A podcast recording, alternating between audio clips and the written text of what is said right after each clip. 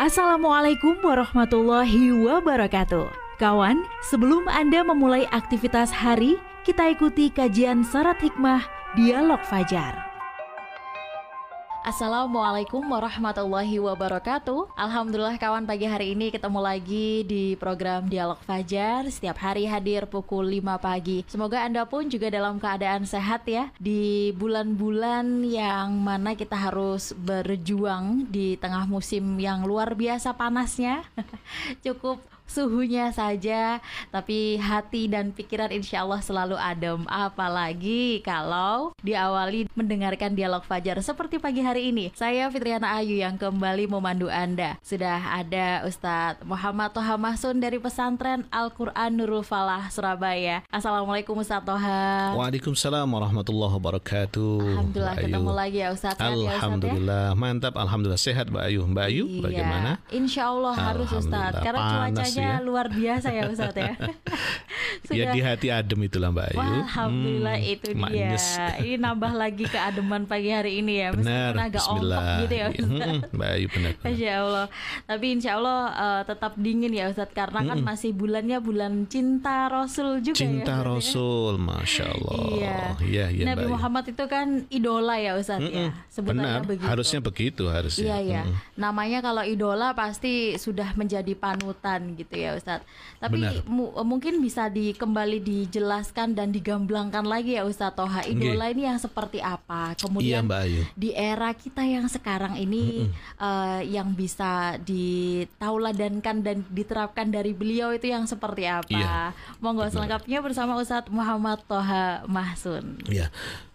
Alhamdulillahirabbil alamin wassalatu wassalamu ala asrafil anbiya'i wal mursalin sayyidina wa maulana Muhammadin wa ala alihi wa ashabi ajma'in amma ba'du. Kawan, Mbak Ayu yang membersamai kami di program Dialog Fajar di Suara Surabaya Media.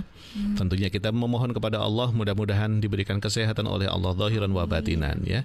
Cuaca yang cukup hangat ini ya Iya. membuat kita tidak boleh hangat pikirannya harus tetap adem ya adem terus ya di bulan yang penuh cinta tentunya kalau orang cinta itu tidak merasa eh, dirinya eh, tidak eh, senang ya selalu diberikan kesenangan oleh Allah Subhanahu wa taala.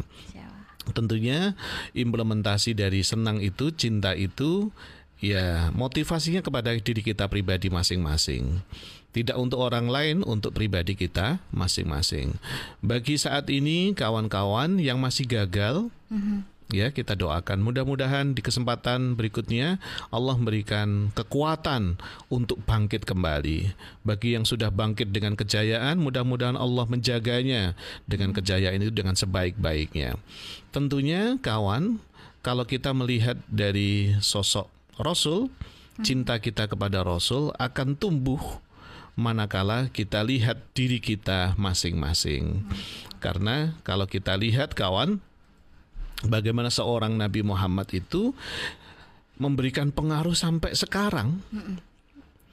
Berapa ratus tahun yang lalu, Masya Allah, iya betul Ustadz ya. ya. Kalau di materi dialog fajar sebelumnya, kita mengatakan kita itu bukan tetangga, bukan saudara, bukan sanak, bukan kadang ya. Betul. Kalau Ketemu bahasa orang Jawa juga. ketemu juga belum, tapi ternyata pengaruhnya sampai sekarang masih kita rasakan Ya.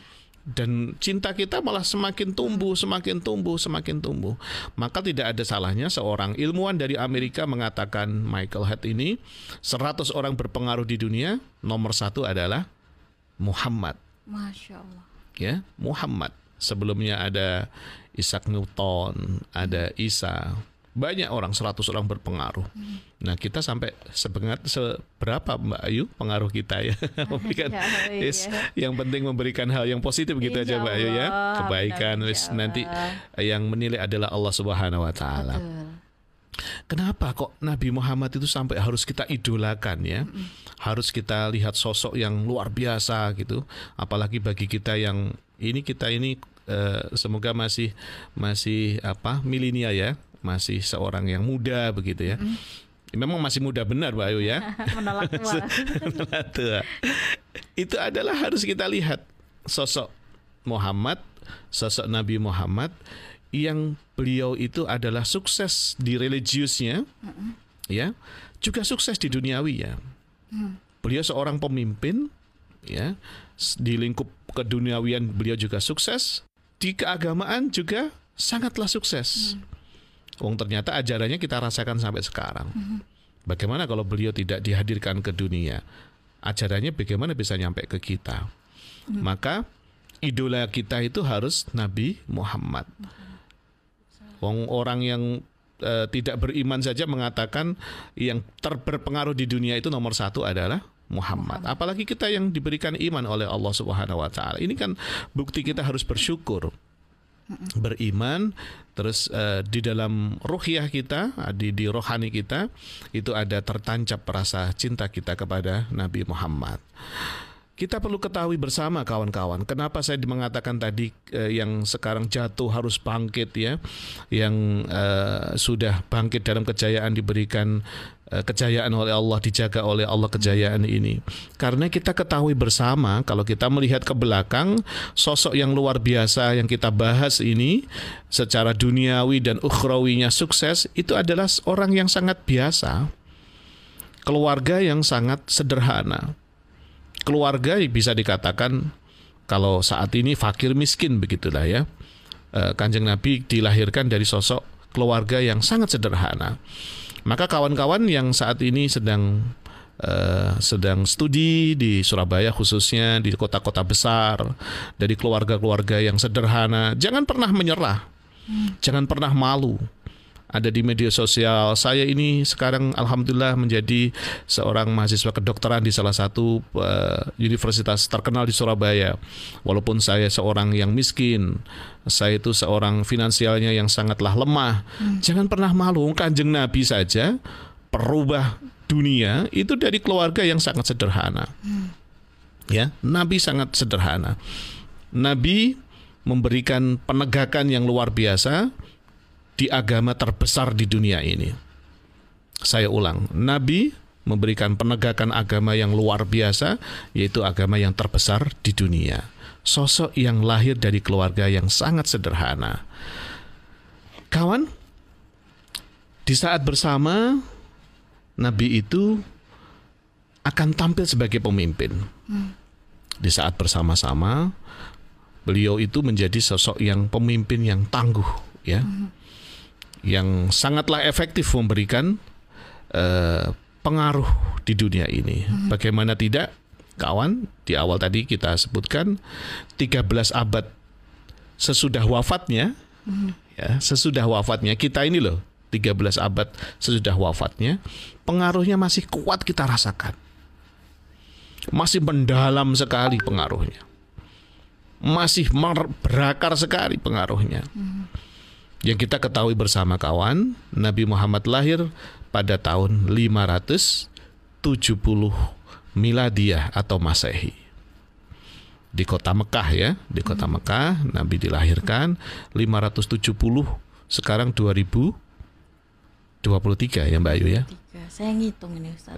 ngitung. Kalkulatornya dikeluarkan ya Mbak Ayu ya. Kanjeng Nabi lahir bukan di kota ya. Hmm dari jazirah Arab yang sangat terbelakang waktu itu. Dunia waktu itu jauh dari peradaban. Perdagangan juga nggak ada di sana, seni juga tidak ada di sana, pengetahuan juga tidak ada di sana, ya, tidak ada um, hal yang menggembirakan lah ya di daerah itu. Hmm. Ya tandus iya lah ya pasti kalau daerah sana tandus.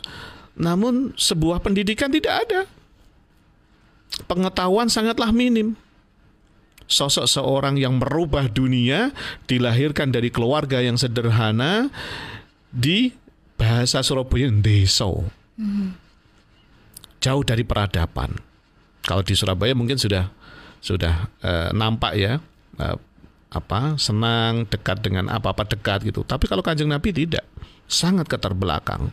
Kotanya pusat kotanya berada di kota Makkah sedangkan sedangkan Kanjeng Nabi berada di selatan jazirah Arab. Jauh dari keramaian atau dari peradaban umat. Kita tahu bersama kawan, Kanjeng Nabi tidak punya ayah. Kanjeng Nabi sudah yatim sejak usia lahir. Dan ketika itu kalau kita melihat surah Nabi, Nabi diajak untuk berziarah ke makamnya ayahanda, ternyata ibundanya juga wafat. Genap sudah kanjeng Nabi di usia enam tahun tidak punya seorang ayah dan tidak punya seorang ibu. Kembali Nabi Muhammad dibesarkan di keluarga yang sangat sederhana namun memiliki kerendahan hati yang luar biasa. Sederhana itu tidak harus marah-marah ya. Tidak harus karena ekonominya masih belum stabil, selalu ada cekcok di keluarga. Jangan Ayo kita syukuri. Seperti hanya syukurnya Nabi Muhammad seorang suri tauladan kita ini memberikan syukur atas karunia Allah walaupun yatim piatu selalu memiliki hati yang rendah hati. Kawan, ekonomi Nabi Muhammad yang luar biasa sangat memberikan hati kita itu ngelus dodo.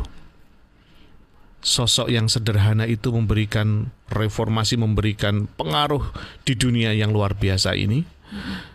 Ekonominya baru stabil ketika beliau nikah dengan seorang ya putri Arab gitu ya, seorang janda kaya raya 40 tahun seorang putrinya ini Nabi Muhammad usianya 25 tahun. Belum ada tanda-tanda Nabi Muhammad itu menjadi sosok yang rasul. Belum ada. Baru ekonominya baru naik ya. Diriwayatkan juga Nabi Muhammad mulai stabil ekonominya ketika uh, ketemu dengan jodohnya uh, Siti Khadijah akad nikahnya sudah dilakukan dan maharnya dalam riwayat lain luar biasa. Siapa bilang Nabi Muhammad itu miskin?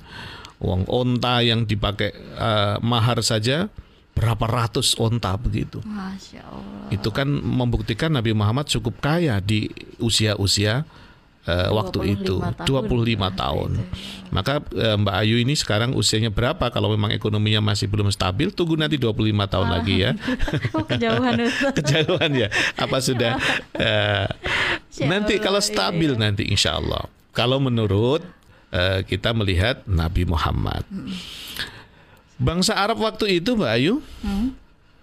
di ya kita baca sejarah ya hmm. tidak mulu-mulu agama semuanya hampir mau menyembah berhala ya.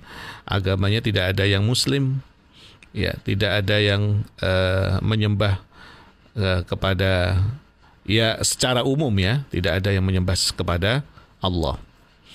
Nah bagaimana dengan perubahan Nabi Muhammad ini? Ini yang perlu kita contoh kawan. Hmm. Bagaimana sosok yang uh, sangatlah uh, dilahirkan dari keluarga yang sederhana tadi memberikan perubahan yang pelan-pelan. Hmm. Memberikan perubahannya tidak langsung dibalik begitu, ngeblak nanti. Beliau pelan-pelan selama tiga tahun, ya kawan-kawannya ya kalau uh, saya itu digambarkan seorang nabi ya saya sampaikan ke Mbak Ayu, kepada kawan-kawan, pelan-pelan ya. Pada usianya naik lagi 43 tahun, dimulai tampil lah kanjeng Nabi. Tapi ketika mulai tampil, kira-kira apa kawan? Kita seorang pemimpin. Mulai terlihat, wah ini bahasa Surabaya gak bahaya dah ini. Hmm. Kok mulai ada bahaya ini, mulai terancam. Akhirnya kanjeng Nabi pindahlah ke Madinah. Hmm. Di Madinah menyusun kekuatan kembali dan yang di luar nalar kita atau di luar uh, apa perkiraan kanjeng Nabi ternyata di Madinah sudah mendukung keberadaan Nabi hmm. sudah mendukung sekali nah akhirnya di Madinah Nabi Muhammad memberikan penyusunan strategi yang luar biasa. Akhirnya digempur kembali kota Mekah untuk direbutnya. Karena kelahirannya juga di Mekah kanjeng Nabi merebut dari orang-orang yang eh, non Muslim atau tidak menyembah kepada Allah yaitu menyembah kepada berhala. Kiranya adalah cukup pada 2,5 tahun sisa usia Nabi Maka ketika Nabi sudah menyelesaikan pekerjaan ini dan sangat meyakini bahwasanya memastikan pengaruhnya sudah memberikan pengaruh yang luar biasa nanti di Jazirah Arab. Nabi dipanggil pada usia 63 tahun di tahun 632. Maka yang bisa kita ambil kawan, hidup ini sangat cepat sekali. Jangan pernah menyerah. Kalau memang jatuh, ayo bangkit. Ayo semangat seperti hanya kesemangatan kanjeng Nabi Muhammad memberikan pengaruh di dunia dalam kebaikan-kebaikan. Bismillah, semoga kawan-kawan semuanya, khususnya yang milenial ini, jangan sampai berhenti kesemangatannya. Ayo terus kita maju untuk mendapatkan predikat yang terbaik di hadapan Allah dan sesuai dengan apa yang kita kehendaki bersama-sama. Mudah-mudahan Allah memudahkan niatan kita untuk kebaikan ini. Allah memberikan jalan keluar atas kesempitan-kesempitan kita semuanya sehingga Allah memberikan tuntunan kepada kita kebaikan-kebaikan seperti hanya Kanjeng Nabi Muhammad memberikan kebaikan kepada kita semuanya. Amin. Terima kasih Mbak Ayu Alamin. waktunya dan mohon maaf atas segala kesalahannya. Sama-sama Ustaz Toha, Masya Allah semakin cinta Benar-benar tidak salah mengidolakan Nabi Muhammad ya Benar, ya benar Mbak Ayu. Banyak kisah yang kita ingat Besok kita lanjut lagi ya Ustaz Amin, insya Allah, ya. insya Allah. Insya Allah ini tadi Bismillah. menarik sekali ber apa dari sisi sederhana beliau kemudian ya usahanya yang luar biasa mengingatkan menjadi sosok yang tidak gampang menyerah cinta Rasulullah. Semoga kita juga semakin cinta. Sesudah Amin. mendengarkan dialog Fajar pagi hari ini. Demikian juga kawan saya Fitriana Ayu pamit dan juga Ustadz Muhammad Toha Mahsun. Wassalamualaikum warahmatullahi wabarakatuh. Waalaikumsalam warahmatullahi wabarakatuh. Program Dialog Fajar yang baru Anda simak kerjasama Suara Surabaya dan Pesantren Al-Quran Nurul Falah Surabaya, lembaga dakwah yang amanah, profesional, dan berbasis Al-Quran. Pesantren Nurul Falah mencetak guru-guru Al-Quran dengan metode tilawati dan tafidz Al-Quran. Informasi dan pemberian donasi hubungi 031 828 1278 atau nurulfalah.org. Wassalamualaikum warahmatullahi wabarakatuh.